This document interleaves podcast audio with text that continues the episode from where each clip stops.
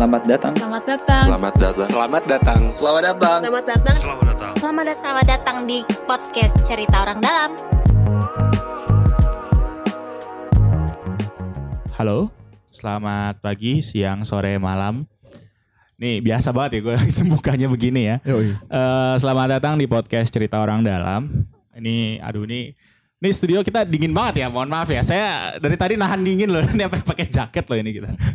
Sekarang gue Nobi, sekarang partnernya ganti lagi karena ini Farel sakit mulu ya kayaknya ya. Iya. Ganti sama saya dulu ya. Iya, bapak siapa? Bapak kenalin diri bapak. Roy. Alah, nggak cocok banget nama bapak sama suara bapak. Identitas disamarkan, Bos. Ah, Bapak Dudit, Bapak. Iya. Bapak cocok Bapak Dudit ya. Kita hari ini mau bahas apa, Pak? Kita hari ini mau bahas uh, new normal sih. Oh, new New normal. Masih bahas masih bahas new normal, baru ya. Nah, ini Normal baru. barang siapa nih, Pak, kita, Pak? Nah, dari sini kita ada dari dua narasumber ya. Wih, ya, berat banget ya narasumber Berat ya. banget, narasumber. Iya, ya. Tamu lah tamu. Tamu. Pertama dari ada dari rame-rame Jakarta nih. Boleh Kenalan. kenalin diri dulu kali ya. Hai semuanya, gue Hana. Eh, saya Hana dari Rame Gak Rame apa-apa, Jakarta. gua juga gak apa-apa. Jakarta. Iya, Iya. gue Hana dari Rame Rame Jakarta. Jadi eh, Rame Rame Jakarta adalah komplotan. Usah. Iya. Pencuri kali. Kita eh, komunitas yang bergerak di riset tentang eh, sektor informal dan keseharian kota lainnya gitu sih. Oke. Keren. Sip, sip, sip, sip. Bisa sip. pas gitu ya sama topik kita. ya? Lah iyalah, Oh, kan iya. kalau di, kalau nggak pas nggak diundang dong Pak. Oh, iya, Mohon iya, maaf. Lanjut, lanjut. Siapa Lanjut, nih? yang kedua nih dari uh, Eh, pengusaha. pengusaha. Pengusaha. Pengusaha kopi. Pengusaha abal-abal sih mas. Boleh kenalin dulu. Boleh nama aku, nama saya, nama gua Tara. Eh, sejauh ini ada tiga bisnis. Us, ada Kebetulan. apa aja tuh? Yang pertama suasana kopi ya. Hmm. Suasana kopi alhamdulillah ada buka tiga cabang. Satu cabang kita buka di pandemi, satu cabang kita tutup di pandemi. Keren ya? Keren oh kan? malah buka ya? Oh, ntar itu perlu dibahas tuh. Ya, satu dibahas cabang tuh. buka di pandemi, satu cabang tutup di pandemi. Ah, Tapi sama-sama kopi nih. Tapi suasana kopi. suasana kopi. Ah, jadi itu Oh. suasana kopi ada tiga, harusnya ada tiga Menarik. cabang. Jadi sekarang jadi ada dua, satunya masih tutup di Hotel Prudent Pasar Kuningan. Hmm. Nah itu tutup. Hmm. Satu lagi aku punya ruang setara, ruang setara itu di Pejaten Hmm. di Siaga Raya. Hmm. Itu kopi juga, beda konsep. Sama satu lagi aku baru buka di masa pandemi juga, baru tiga minggu yang lalu kali ya. Hmm. Itu restoran Jepang. Tapi masih gara-gara tadi kan awalnya ngusung temanya tuh Covid. resto. Ya kan? Oke. Begitu COVID, yang penting anak-anak gajian dulu nih, karena udah kita hiring. Ah. Tapi sebelumnya, sebelumnya alhamdulillah kita belum hiring waiters. Oh iya. Nah, jadi alhamdulillah kita baru hiring. Baring baris ininya ya. Iya, otomatis kan ketika kita hiring chef, kita kan akan uh, hiring chef yang pro dulu kan gitu. Hmm. Nah, ternyata kemarin-kemarin ini positifnya adalah positif dan negatifnya adalah gitu ya. Chef-chef dari resto-resto yang terkenal Hmm. itu banyak di PHK. Oh. Sehingga kita yang masih mulai baru itu dapat hijack dengan harga yang sedikit lebih murah. Hmm, Kayak karena gitu. yang penting kerja lah ya buat semua yang itu. penting- bahkan Ah. kadang-kadang kemarin gua ketemu tuh orang kerja sebelumnya di Okuzono gitu ya. Hmm. Boleh nama brand nggak masalah ya? Boleh nggak apa-apa. Ah, Karena kita belum ada sponsor sama sekali ya. Kita berharap ya justru. Iya. kita nunggu. Iya. jadi ada orang tuh kerja di Okuzono dan banyak kayak gitu tuh. Ah. Sushi Hero Okuzono Ah. gitu, Karena akhirnya kan pada eh, bukan dirumahkan sih sebenarnya, memang di cut gitu. Oke. Iya. Terus terakhir akhir akhirnya dia kayak jualan Starling gitu. Untuk Ah, ini, menghidupi ini, ini. keluarga gitu. Dari jadi chef jadi penjual Iya, padahal dia adalah pro chef gitu, chef yang pro gitu. Ah. Dia di tempatnya mungkin kayak udah Iya head di chef. hotel dan restoran segala macam Iya, kan. aku- iya aku kan Hmm. senopati tuh. Hmm. Ah, gitu-gitu. Jadi kayak akhirnya dia di-cut jadi Starling terus gua ya tarik aja dulu. Karena kan sip, masih di Grab and Go. Jadi selama ini sejauh ini bisnis gua ada di Anta, namanya Antasore Japan di Antasari. Hmm. Eh, setara di Pejaten Hmm. sama suasana di Kemang, Gandaria dan Puri, Puriden Pasar Kuningan yang masih tutup kayak gitu. Oke oke oke. Nah ini udah langsung ini ya. Sudah langsung jadi bahasan kita ke depannya nih. Iya. Gimana sih eh, bisnis gitu loh ketika kemarin di masa pandemi tadi kan sempat udah dibahas tuh dari apalagi ini kan salah satu yang kena dampak ya kalau restoran ya. Pasti. Kalau mungkin kalau kopi mungkin lebih apa ya? Atau atau gimana sih bedanya ketika kemarin ke selama sebelum sebelum Covid gitu, sebelum pandemi pas pandemi itu kemarin gimana tuh pengalamannya? gue sih pasti kena kena banget sih kalau kopi kan biasanya kan kalau emang tempat kopi itu identik dengan orang nongkrong gitu, anak muda nongkrong kan. Jadi Ah. pasti pasti menurut gue sih pasti terdampak banget sih, karena karena waktu pandemi ini kan orang nggak boleh nongkrong kan ya. Ah, nah iya, nah nongkrongnya tuh gimana tuh? Apakah ya tadi formatnya ya kayak Grab and Go aja gitu yang ya sekedar eh, Gojek, GoFood dan segala yang segala macam. Gimana? Kakak dulu kali. Eh, gua- ke gue. Dulu aja. Lanjut, lanjut. Sorry, sorry, sorry. Eh, kalau untuk suasana kopi, Hmm. alhamdulillahnya malah ketika di Covid Hmm. kita itu omsetnya 3 sampai 4 kali lipat Oh, Naik ya? naik. Jadi begitu eh, dine in itu nggak kena gitu ya. Hmm. Sebenarnya banyak cara lain. Kita kan bisa lewat jualan lewat Tok- Tokped. Ah. Tapi Tokped jadi yang beli yang literan gitu ya Iya, biasanya. biasa- Iya, jadi itu sebenarnya kan fungsi literan itu dan Tokped itu kan karena misalnya gua jualan dari Grab dan GoFood Hmm. misalnya nih ya. Eh, otomatis kan lingkup jualan gua tuh cuma 5 kilo sampai 8 kilo dari sekitar Oh, gua lah. tapi emang berarti emang ada dine in ya di situ awalnya kan? Awalnya ada Oh, oke. kan gitu. Terus begitu gua alihin ke Tokped, otomatis gua harus botol karena produknya Ah. harus kan kalau kayak kalau cup-cup gitu kan esnya cair bla bla. Oh iya iya benar kan. benar. Jadi kayak begitu gue beralih ke botol dan Tokped, itu gue bisa jualan sampai ke Bekasi. Bahkan bisa luar kota ya. Bahkan kalau luar kota enggak karena kan nanti masuknya ke SMD. Oh. Oh, SMD iya, Nah, iya, jadi iya. ongkir orang dari Bekasi dan ongkir orang dari sekitar gua tuh sama gitu loh. Jadi kayak sampai eh, karena kita lihat jualan dari Tokped, Hmm. bahkan orang Bekasi yang ordernya dari Kemang dia cuma bayar 20.000 ribu kan gitu. Untuk Bener. harga produk yang sebenarnya 85.000 ribu gitu loh. Hmm. Jadi Iya, iya, bahkan untuk kita sendiri malah kewalahan ketika kita jual per cup. Otomatis kan ketika kita per cup ya satu cup paling berapa sih 20 ribu kan? Hmm. Kayak kayak gitu. Tapi satu botol, satu transaksi untuk satu botol itu udah 80 ribu. Oh. Untuk GoFood ditambah lagi nih ya. Nggak masalah soto-soto dikit nggak Gak masalah. Nggak apa-apa. Untuk GoFood kita dipotong 20%. Hmm. Sedangkan untuk Pok- Tokped kita itu dipotong cuma 1%. Wah, lebih untungnya lebih gede ya. Untungnya untuk- lebih gede. Jadi makanya eh, malah kalau misalnya bisa jualan mass product, menurut gua sih lebih. Eh, sekarang kita malah mau ke arah untuk bikin kopi saset tapi yang agak spesial kayak gitu lah. Hmm. Jadi karena itu kan mass product kan, Hmm. lebih lama bisa tahan lamanya gitu loh. Hmm. Itu bisa dijual ke luar kota kah, ke mana kah kan kayak gitu. Hmm. gitu. Ya. Kalau untuk ruang setara Ah. beda cerita nih. Karena di eh, campaign awal kita itu lebih ke event, Hmm. otomatis untuk GoFood, Tokped, bla bla blanya sepi kan. Ah. Tapi kebetulan partner gue youtuber. Oh. Boleh juga. Ah, jadi untuk bikin mass Jadi akhirnya lebih ke webinar atau gimana atau gimana tuh? enggak terakhirnya malah kayak gini. Jadi gara-gara eh, partner gue itu youtuber dan link-link gue itu rata-rata sebenarnya bukan Jakarta. Ah. Misalnya gini deh, gue pakai satu influencer gitu. Ah. Influencer yang gue sebenarnya influencer yang gue bayar ini itu masanya itu bukan cuma di Jakarta. Oh, Kan oke. gitu. Iya pasti. Iya, Jadi iya. ketika kita bayar influencer, produk kita itu harus bisa terjual se Indonesia kalau bisa kan gitu. Hmm. Otomatis untuk setara kemarin, Hmm. gue akhirnya jual merchandise dan merchandise itu lakunya parah banget gitu. Hmm. Kacau kacau. Karena di luar di, daer- di luar daerah sebenarnya covid covid ini bul- kayak hampir kayak bullshit gitu loh. Jadi kayak bukan gitu maksudnya Iya kayak benar. Iya, iya, Emang iya. kayak Jakarta Karena aja. karena kayak Iya. Jakarta aja Jabodetabek aja yang dan ini. ketika kita ketika kita yang dari Jakarta datang ke kampung karena gua dari kampung kebetulan Ah. ya, eh, gua berasa tertindas itu jadi kayak memang ah, dari Jakarta tuh eh, dua minggu dulu kurung di rumahnya ah, kan gitu kan. Ah. Tapi mereka sendiri sebenarnya pasar tetap ramai. Ah. Itu tetap Karena ramai. ada biasa, biasa aja di sana. Iya, ya. jadi kalau untuk produk-produk yang eh mes gitu ya, misalnya kayak Hmm. apalagi Ramadan kemarin teman-teman tuh pada jual sajadah, bla bla bla gitu. Itu mah laku laku laku aja. Oke. Karena ketika kita jual produk yang premium menurut gua nih, Hmm. eh, menurut gua bisa jadi salah gitu. Hmm. Ketika kita jual produk yang premium menengah ke atas gitu, Hmm. Itu otomatis tuh tetap eh bagian kita tetap ada dikarenakan mereka ini nggak jatuh miskin gara-gara covid. Hmm. Paham gak sih maksudnya? Hmm. Kayak misalnya ada teman gue jual sajadah 500 ribu nih. Hmm. Market dia ini kan yang 500 ribu ini kan sebenarnya orang-orang yang Emang work from home, Oke. tapi gajinya tetap sama. Oke, Iya. oke, oke. Mereka ngincer eh, ngincernya langsung di menengah ke atas aja ya. Iya, karena karena untuk uang kita nih uang gua gua pribadi bahkan Ah. untuk beli sajadah gua di Tanah Abang kali kan gitu. Ah, Tapi kan tetap ada tuh kelas-kelas kayak gitu loh yang kita incar malah kelas yang tetap gajian ya. Iya, jadi kalaupun nggak gajian dia mungkin pengusaha yang di bidang kayak ya gitulah gitu gitu Hmm. kayak Oke gitu. oke. Itu berarti promonya makin kencang ya berarti ya pas pas pandemi ya. Dan alhamdulillahnya promo ketika pandemi itu gue gue bisa gini kayak gue akan gue akan hire orang-orang yang eh gue berani untuk hire orang duluan gitu. Hmm. Jadi kayak gini misalnya.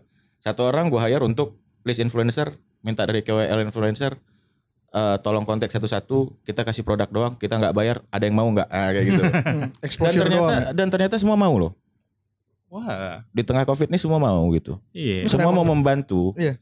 Eh, cuma kadang-kadang orang aja yang kayak menyalah-nyalahkan Covid gitu. Ya, menurut gue sih Covid nih masih blessing sih. Hmm. Ah, Oke. Ah, jadi kayak Tergantung ketika sudut pandang sih. tergantung ya. Ya, makanya tergantung menurut gua. peluang Iya. sih. Bahasa, ba- Kan kata, makanya. kata kuncinya tergantung ngeliat peluang juga. Ma- makanya ini kan menurut gua gitu. Ah. Menurut gua ya ya gitu. Misalnya kayak coffee shop akan tutup ketika agak sedikit sombong iya gitu ya.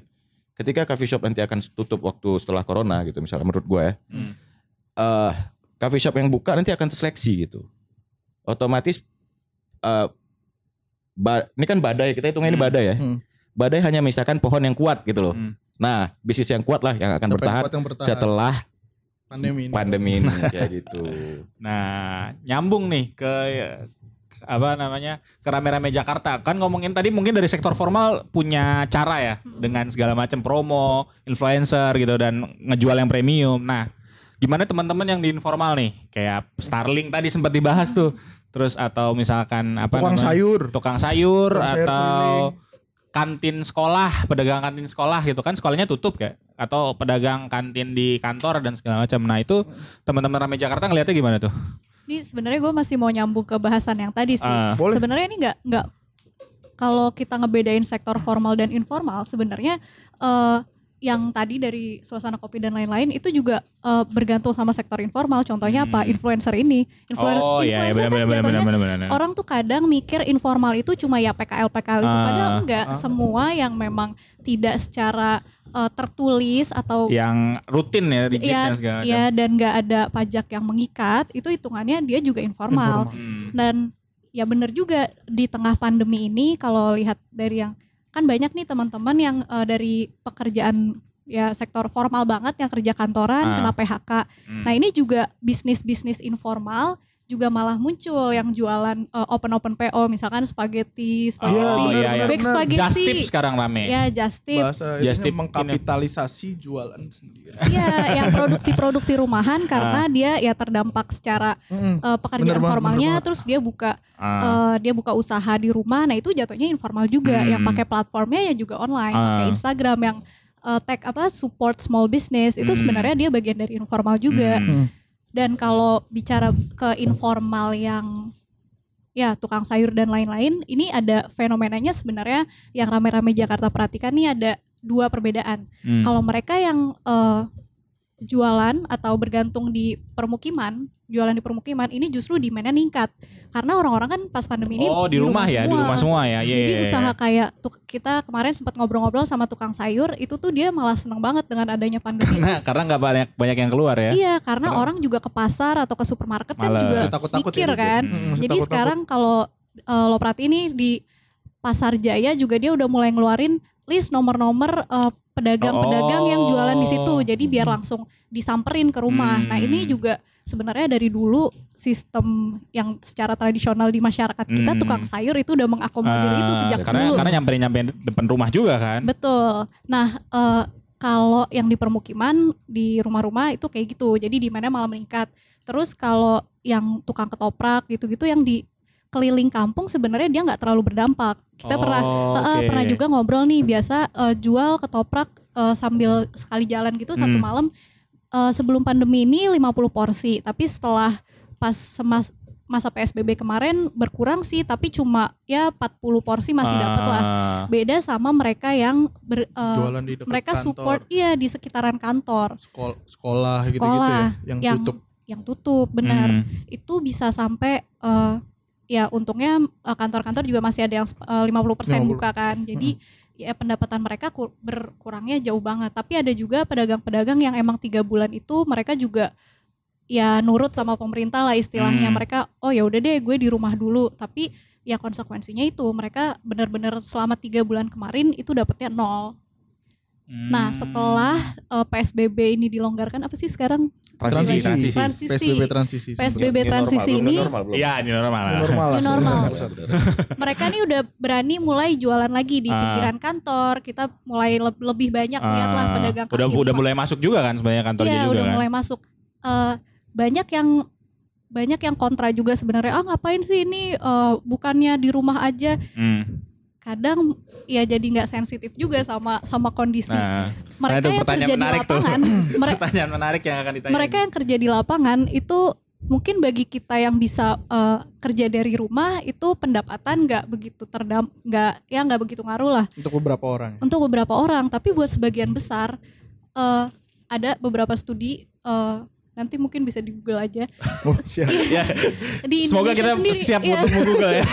di Indonesia itu pekerja informal yang eh, street vendors ya PKL dan lain-lain itu sampai 60% loh dari total dari total eh, tenaga kerja. Jadi mereka yang Banyak banget usaha secara sendiri perseorangan ya UMKM itu Hmm. itu tuh eh, dia ya mayoritas jatuhnya daripada kita kita yang kerja di kantor dan ini yang tidak bisa di tidak bisa diakomodasi ketika sistemnya semua dari rumah. Rumah. Hmm. Mungkin eh, intervensi teknologi itu Hmm. cukup memudahkan Iya. buat, buat, Buat usaha yang ngerti rumahan, juga kan? buat, Buat yang yang ngerti. paham. Tapi ini juga masih terbatas. Hmm. Nah, eh, cara eh, gimana sih mereka ngakalinnya tetap jualan tapi eh, baru ini baru minggu lalu rame-rame Jakarta sempat juga eh, ke karet ngobrol-ngobrol sama pedagang kaki lima yang udah mulai muncul di sana untuk orang-orang kantoran sekitar karet kuningan situ eh itu eh, misalkan nih pedagang rujak dia tetap juga eh, mematuhi protokol yang dikasih jadi dia jualan pakai face shield juga terus ada yang pakai masker juga jadi eh, ya mereka juga mau nggak mau mereka tuh sebenarnya juga kalau bisa di rumah ya di rumah aja gitu iya, tapi kan emang karena keadaannya tidak Iya, memungkinkan cuma- kalau mereka tetap di rumah. ya. betul jadi ya yang mereka bisa lakukan adalah dengan paling itu mengikuti protokol dengan pakai masker pakai face shield gitu Hmm. Nah itu tuh tadi eh, ada pertanyaan ada yang jadi menarik tuh kalau dari kan kadang jadi satu hal yang kayak dibentur-benturin ya soal ekonomi sama kesehatan nih. Nanti eh, mungkin dari rame-rame Jakarta dulu ya. Maksudnya teman-teman dari informal tuh ngelihatnya gimana sih yang soal tadi ekonomi kesehatan ekonomi versus kesehatan dalam tanda kutip gitu. Eh, akhirnya ya tadi apakah orang-orang ya ya gue pengen sehat juga tapi ya kondisinya kalau lama kelamaan gue bisa mati bukan karena corona tapi gue mati karena gak punya karena duit gitu. kelaparan iya betul nah itu betul. gimana kalau dari formal dulu mungkin eh, dari dari rame-rame Jakarta gimana apanya dulu nih yang tadi yang rame kan ada kan kan suka ada dibentur-benturin tuh Eh, apa namanya ya ini kita harus jaga kesehatan Hmm. tapi di satu sisi eh, apa namanya ya ekonomi harus jalan gitu Hmm. nah itu gimana ya sebenarnya ya usaha-usaha kayak yang tadi gue udah sempet singgung Hmm. sih misalkan sebenarnya adanya tukang sayur itu jauh memudahkan kita kita untuk menjaga Hmm. kesehatan juga loh dia datengin ke rumah-rumah eh, kalau di daerah lingkungan gue sistemnya bisa pre-order juga jadi Hmm. eh, hari SMS sebelumnya gitu ya? iya pesan ke tukang sayur Mau beli apa? Eh, Pak mau titip ABC jadi lo nggak usah eh, ke supermarket atau ke pasar itu Ya, kan juga benar. sebenarnya Oke. mendukung eh, ini kan Hmm, program PSBB. PSBB. PSBB ini Oke. Nah kalau dari pengusaha ini gimana nih? Kan suka dibentur-bentur aja, nih. ta- eh, jangan pengusaha lah. Berat banget ya? Ini berat, terlalu berat. ya. Tara aja Tukang Tara. kopi, tukang Kalau- kopi. Kalau dari lu tar gitu. Oke, dari Tara sendiri gimana? Kalau da- kalau dari gue sih sebenarnya kalau eh, permasalahan eh, kesehatan dan ekonomi itu gue pribadi bukan capability gue untuk sih tapi kan- jadi kayak gua kalau gue lebih lebih tertarik kayak gini eh, kayak eh, apa yang harus kita lakukan sebagai kita nih sebagai Ah. gua gitu Heeh. eh, ketika masa pandemi kemarin Hmm. dan sekarang kayak gitu loh. Kalau misalnya gua harus menga- me- mengaitkan antara kesehatan dan ekonomi itu kayak terlalu gue bukan pakarnya gitu Oke, loh Bang, gitu kan. Sudah sepakat, Ya kan, sepakat, jadi sepakat. kayak- Ibarat ini emang perdebatan yang susah Iya, selesai iya, sih antara kadang, jadi, dan jadi itu kayak. Iya. ujung-ujungnya nggak ada ujungnya gitu. Ah, bener, bener, bener. gue lebih baik eh, kayak- karena kan gue pribadi pun kemarin covid ini kan tiba-tiba eh, ada gitu kan. Ah, dan Jadi gak kan kebayang juga ya. nggak kebayang juga. Jadi kan kita ini kan learning by doing semua Ah. sebenarnya Iya, kan kayak gitu. Hmm. Semua Ah. negara malah ya. Iya. kita Iya. kan jadinya learning by doing gitu kak. Jadi maksudnya eh even gue pun ada ruginya di awal kan gitu kak. Maksudnya kayak walaupun tadi gue bilang suasana kopi itu naik tiga kali lipat, tapi dua minggu pertama gue nol, malah minus. Oh. Gue harus bayarin karyawan. Memang raup uang dulu. Tapi ada sendiri. kena juga karyawan atau gimana? Enggak enggak gue cut. Memang Oh, gue yang kena gitu kak. Gak sih? Oke. Gua ngambil- tabungan sendiri berarti ya. Lebih ngambil ke bank malah. Tapi dengan planning apa nih ke depannya Ah, kan gitu. itu dia dengan solusi tapi Iya, jangan ngasal tiba-tiba ambil ber gitu kan. Ntar nggak bisa bayar ya. Nah, jadi misalnya kayak gue udah bikin di Antasari nih. Eh, yang tadi gue ceritain. Ah. Itu gue bangunnya tuh udah dari enam bulan yang lalu masa Hmm. renovasinya. Gue bangun dari tanah. Kan gue gak kebayang eh tiba-tiba corona kan gitu. Ya, benar. Otomatis ya kayak maka ini kan dari lebih ke dari pengalaman ya bukan Hmm. eh, teori atau apa kalau gue pribadi kak. Hmm. Jadi eh, even nanti waktu disangkut pautin ke teori juga oh memang ada teori itu gitu ya. Tapi Hmm. kalau covid ini memang Iya, di semua nggak bisa sih. Ah, jadi akhirnya kayak eh, ya udah yang tadinya resto akhirnya hire beberapa orang yang memang butuh kerja juga. Yang mana orang itu tadinya memang udah gua incar dari awal gitu. ya. Hmm. Udah gua gaji dari awal. Jadi ketika kita bu- sebelum buka restoran ini sebenarnya ada satu orang kepercayaan yang mana dia sudah digaji walaupun restoran itu belum buka Kak.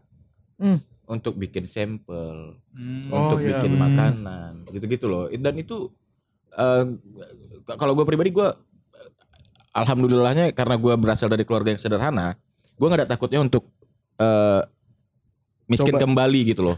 Kayak gitu loh kak. Itu, itu Berat banget bahasanya ya. Iya, gitu gitu. Jadi kayak Nating tulus aja gitu. Iya, iya. Coba aja dulu. coba aja dulu gitu. Toh nanti ya makanya tadi ketika eh, menurut gue nih, bad- nih badai, oke badai. Eh, kalau bisa gue lewatin ini, gue akan merasa kepuasan diri yang sangat teramat Iya, gitu iya. loh kayak. Udah kayak ngerasa, wah u- udah lewat ya udah. Udah. anjing keren banget gua. Eh. kemarin gue keren banget gitu loh Ah, lebih kayak gitu kalau Ah. sekarang ini masih belum nah, jadi kayak gue sekarang sih masih belum berani untuk bilang gue pengusaha lah Hmm. atau apalah.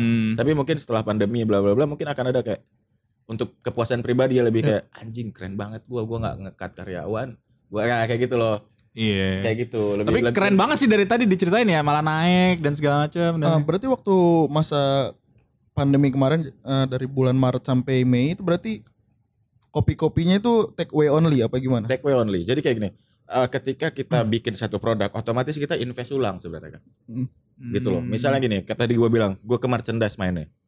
Otomatis sebenarnya gue nginvest ulang ke merchandise, yang mana merchandise ini harga HPP produknya itu tinggi. Iya mahal.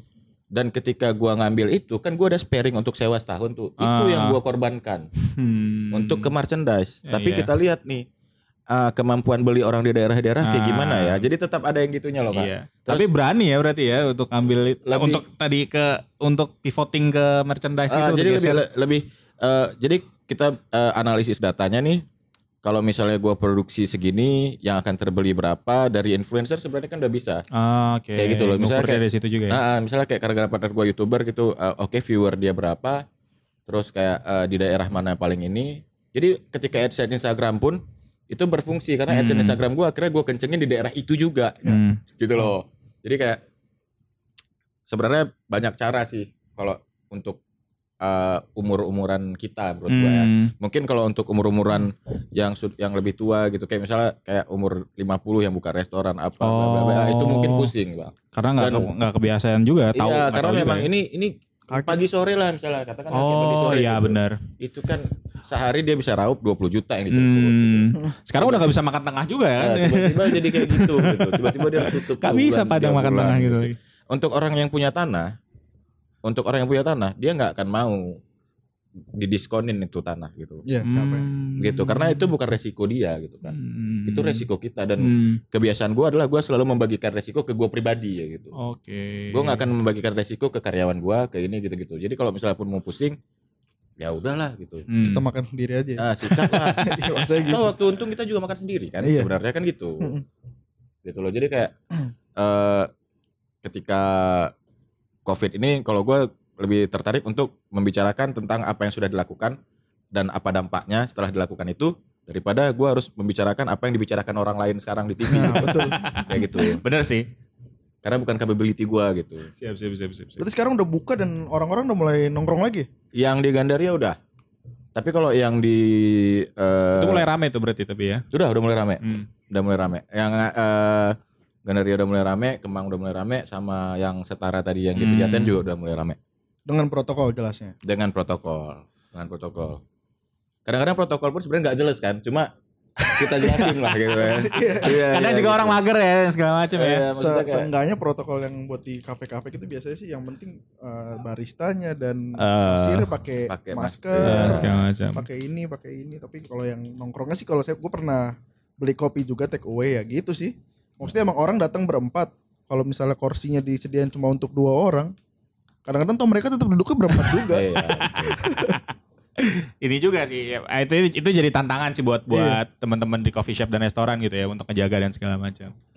Nah, em, mungkin ini nih ke RRJ nih kan tadi mungkin ya eh, tadi eh, dari Tara bilang bahwa kondisinya ya ini kita ngomongin tantangan ke depannya aja gitu. Gimana sih sebenarnya bisnis apalagi ngomongin tadi ngomongin informal dan segala macam supaya bisa tetap bertahan dengan Survive. kondisi yang yang yang kayak gini dari dari RRJ sendiri gimana? Bangkit kembali lah. Sih, iya ya.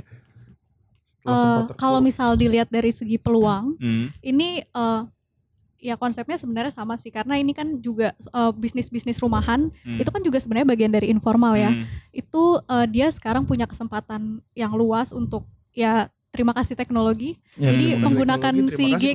Iya, ya gig ekonomi juga. Jadi kan bisa ya pakai GrabFood tadi Hmm. atau ya tadi pakai Instagram juga bisa yang secara ya informal juga sebetulnya. Kalau untuk yang PKL PKL ini sebenarnya dia jatuhnya kalau menurut gue ya, dia malah lebih aman dibandingkan sama yang restoran-restoran formal. Soalnya Oh, biasanya ya. dia kan menggunakan dia kan di ruang terbuka. Hmm. Dan itu lebih ya lebih Secara kesehatan juga lebih ini ya. Iya, jadi paling ya gimana dari uh, pemangku kebijakannya nih menyediakan ruang-ruang luar, ruang terbuka hijau atau ruang di mana orang secara outdoor bisa ya bisa berinteraksi uh, uh, Seperti kayak biasa gitu ya sih. normal ya. Mm-mm, Dengan protokol. dengan protokol. Sama Pak, itu tantangannya juga biasanya kalau di kayak pasar malam, PKL tuh oh, lupa semua dengan protokol kesehatan dan segala macam. Karena ya dengan pandemi ini nggak mungkin orang tiba-tiba jadi nggak keluar rumah sama Iya, sekali kan. udah bosen Sekarang malah juga. udah kayak udah memuncak Udah gitu. jengah kalau kata katanya. Gue harus Jengah. keluar. Iya benar, udah udah capek Tiga banget. bulan nggak pernah keluar ibarat di rumah aja minum kopi di rumah. Dufan itu aja rame rumah. Pak, hari pertama buka rame Pak. Karena orang pada langsung Nggak pengen. aneh sih semua orang butuh hiburan. Iya sih benar makanya. Itu apa Holy Wings di Bekasi udah buka Pak? Kali Wings kayaknya Duckdown udah buka Duckdown. Udah buka ya? Duckdown udah buka dari hari Yang seminggu yang lalu dah. Udah pada buka ya itu ya? Tapi Udah, udah sampai buka. jam 12, doang. 12. Jam 12 doang. Agak nanggung ya.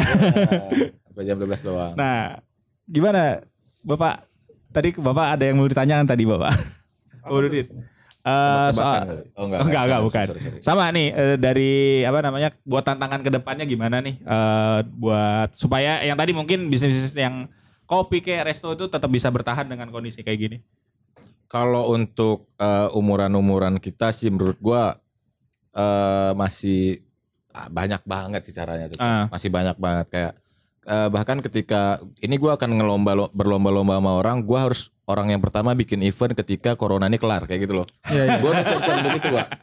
Gua udah siap-siap untuk itu gitu. Ah. Kalau misalnya memang keduluan ya udahlah. Kan Eh, itu tetap ya tetap eh, syukurin aja lah udah gitu. Cuma gue ini masih tetap dalam eh, ini maksudnya gini, berapa kerugian gue kemarin harus gue tebus dua kali lipat nanti gitu. Kalaupun misalnya nggak Oh, dapat ya, dua kali, kencarnya di istilahnya aja ya. Jadi kayak ya udahlah hitung-hitung aja lah itu Hmm. investasi lah corona kemarin kayak gitu loh. Jadi kayak ya udahlah. Alhamdulillah kalau karena bisnis gue ada beber- ada beberapa brand gitu, Hmm. saling subsidi sih masih sanggup juga kayak gitu kan. Hmm. Kalau satu eh maksudnya kalau satu langkah gua salah gitu, satu lagi masih bisa backup kayak gitu-gitu. karena memang banyak cabang juga kan, banyak banyak inian juga, banyak banyak yang dijual juga kan tadi. Hmm, Bisnis jadi bisnisnya bisnis lu banyak juga. Enggak kan gua tadi kayak misalnya gua bilang kak, misalnya kayak gua ada tiga brand nih, suasana kopi satu, Setara. setara satu, sama antasari satu. Hmm. Antasari itu gua namainnya antasore. Ah, siap. Antasore Japan. Mipet sedikit ya. Nah, karena biar gampang aja kenapa Ah. antasari? Karena di antasore. Eh kenapa antasore? Karena di antasari. Antasari. Jadi ya, selama ini gue capek banget mikir untuk kenapa namanya ini? Gue pikir, gue bikin, Emang bikin emang alasannya. berat sih Ah, mikirin. Iya iya iya. Kayak gue bikin-bikin alasannya apa ya, apa ya biar keren gitu ya. Ini gak akhirnya Ada filosofinya. Iya, Iya, iya. udahlah gak usah lah. Antasari. Kenapa Antasari? Karena di Antasari udah. Oke oke. Kayak gitu. Jadi kayak ya kan ada tiga brand nih yang paling te- terdengar oleh Jakarta sekarang tuh suasana kopi. Oh ya. Kayak gitu loh. Yang paling terdengar ya. Ini BTW kopinya juga lagi kita minum ya. Iya iya. Udah habis Pak saya Pak. yang paling terdengar sih masih suasana kopi. Eh, Eh, setara memang ya karena ada lokasi juga kali ya. Dia berarti secara profit yang pertama suasana. secara profit untuk pribadi itu gua malah setara. Oke. Karena di setiap bisnis yang ada brand brand itu gua ada partner. Hmm. Jadi kayak suasana kopi gue berdua, setara gue berdua, Antasari gue berdua gitu. Oke oke oke oke. Kayak gitu. Jadi biar kalau misalnya ada eh subsidi, ya gam- enak lah untuk kayak bagi-baginya gitu. Nggak ada. Jadi ego pun akhirnya ketahan juga gitu-gitu loh. Kak. Sip sip sip. Gimana Pak? Bapak Dudit kayak mikirnya banyak banget Bapak yang dipikirin Iya, Bapak. Gue pikiran hari ini tuh kurang konsen gitu loh. Ya udah. Kenapa ya? Kita berapa menit sih kak? Udah udah udah. Ini tadi terakhir lah ya tadi em, buat jadi penutup dari kita. Kamu udah kelar nih? Udah udah udah udah. Udah berapa- berapa menit sih? Setengah jam. Udah 30 menit ya? Udah 30 menit. Udah 30 menit. Gila, Nggak ya. sadar ya. Emang kalau ngomong-ngomong gini emang Cepet banget ya. cepet banget. Ya thank you buat Tara, thank you, Buat thank you Hana. juga Hana juga dari RRJ. Em, semoga ini bisa jadi apa ya? Apa ya? Jadi Sharing session. sharing sharing yang buat yang teman-teman juga yang buat denger dengerin supaya bisa bertahan bisnisnya di tengah pandemi. Teman-teman yang dari sektor formal ataupun informal. Iya siap, Eh, thank gue you. boleh nambahin Ah, dikit. boleh, Boleh, boleh, banget penutup malah justru tadi saya mau nambah. Oh iya. Gue gue baru ingat. Jadi salah satu cara juga nih untuk eh, eh, pekerja-pekerja info- eh, usaha-usaha informal Hmm. ini untuk bertahan, mereka eh, ada beberapa yang mulai bikin paguyuban. Jadi eh, saling mendukung satu sama lain di tengah pandemi. Hmm, Kalau- iya. Enggak aneh sih. Grup emang WhatsApp ya, grup WhatsApp ya, emang guyup. iya benar dan itu memang lebih ya ya modelnya dengan eh, kayak mendukung komunitasnya sendiri gitu. Jadi Hmm. mereka sha- eh, sharing ya kalau misal ada kesusahan i- gampangnya kayak pas kalau lo transaksi nggak ada kembalian kalau di sektor informal gampang aja kan ke abang yang sebelahnya Iya. lo ada Hmm. kembalian nggak gitu Hmm. terus eh, mereka juga komplementer dari hal yang dia jual. Misalkan mie ayam sebelahan sama es kelapa. Itu mereka juga saling dukung. Nah mereka ini yang ada di satu komunitas mereka juga bikin paguyuban untuk mendukung satu sama lain. Kayak buat diskusi gimana nih eh, yang di karet kebetulan kayak gitu kita ngobrol sama eh, paguyubannya dari eh, PKL-PKL di karet mereka udah mulai ngobrolin gimana caranya untuk menghadapi new normal ini. Tapi emang eh, kalau yang ya nggak dibikin secara handbook yang jelas gitu tapi Hmm. mereka juga aware sama isu ini dan pengennya sama-sama untuk bisa bangkit gitu lah. Oke oke. Gue juga ada pesan sih sedikit. untuk Siap, penutup yang juga ya. UMKM yang UMKM, Ah. UMKM. Maksud gue kayak eh, jangan terlalu banyak ngeluhnya gitu ya. Hmm. Eh, kalau bisa malah mik- mikir terus konsisten dan persisten sih. Us. Konsisten kadang-kadang udah, persistennya enggak gitu. Ya, ya. Yang Nah, lebih itu- te- itu. teguh lah apa ya bahasa bahasa Indonesia ya? kayak mana ya bilangnya kayak itu lebih itu lebih kejam dari konsisten Oh gitu. iya iya iya Kayak, benar benar. benar. eh, lu- kayak ini jadi ketika dia persisten apa pun kendalanya ke- yang keluar pertama bukan keluhan tapi kayak Gimana? ap- gimana caranya nih Ah. Apa solusinya? Ah, Iya. ya gitu. Jadi kayak kalau menurut gue sih kalau UMKM eh, untuk yang masih muda ya. Ah. Kalau yang le- yang udah umur tua karena gue juga nggak ngerasain umur itu. Belum tahu. ah, gue nggak Ah. nggak tahu mungkin waktu ya gitulah ya. Kalau Ah. untuk eh, usia-usia kayak Lebih kita kreatif gitu, juga lah ya. Harusnya masih mau lah untuk eh, karena setiap kayak Tokped beda cara untuk jualannya. Shopee beda cara. Ah. Bukalapak beda cara untuk Hmm. jualannya. Jadi kayak banyak banget masih di- bisa dipelajari Oke. gitu. Jadi kayak kalau bisa kalau udah ada konsisten dan persisten, otomatis dia akan mempelajari semua itu gitu loh kan. Hmm.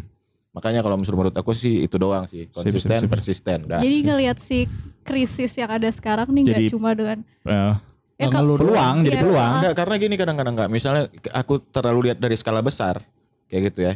Nanti hitungannya malah gua nggak ngelakuin apa-apa, apa siapa juga yang gua bantu gitu loh, enggak. Hmm. Misalnya gini lah, eh, kayak tim eh, apa beberapa orang kreatif nih eh, yang informal tadi ini Hmm. nggak apa agak panjang lagi apa nih? Gak apa-apa, gak apa-apa, gak apa-apa. Santai aja, santai aja, santai. Boleh, Mis- boleh. misalnya kayak gini lah. Emang artis nggak butuh makan gitu loh. Ah. Terus kayak eh eh karaoke karaoke yang eh karaoke konser-konser yang di Oh iya iya itu iya. terus bilang ini konser amal tolong bla bla bla. Emang Di- panitia digratisin ya. Nah, di- gra- artisnya diminta gratis. Emang artis nggak butuh makan gitu ah, makanya.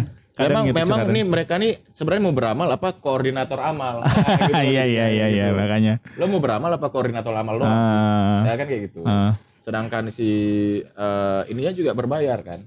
Si yang nonton kan bayar. Nonton ya, nontonnya bayar. Tapi ko- ya bilangnya sih konser amal gitu kan. Maksudnya. konser amal tuh kan maksudnya konser ya Pak si IO IO konser amal nih cuma jadi koordinator amal jatuhnya. Ah. Dia tidak beramal dong. Kayak Ah. gitu. Dia nggak keluarin uang kan. Hmm. Dia Mungkin nanti ada sesi khusus sih kita bahas yang event ini iya iya. Iya kan? untuk Jadi adaptasi sama new normal. Ah, ah, makanya itu tuh kayak Iya, artis, stand up ah, comedian dan segala macam juga butuh. pelaku-pelaku itu loh. Kalau pa- paling nggak kalau misalnya eh, kuliner mungkin ya kita kasih makanannya. Ah, Feedbacknya apa? Ah. Kalau lo nggak posting juga apa-apa kok. Sip. Sebenarnya kayak gitu loh. Oke. Alhamdulillah diposting kan gitu. Iya. Sip, thank you nih. Eh, banyak sharing yang seru. Semoga bisa jadi apa ya? Apa bermanfaat lah bahasanya. Masukan. Masukan buat yang teman-teman semua. Eh, cukup. Thank you semuanya. Bye bye.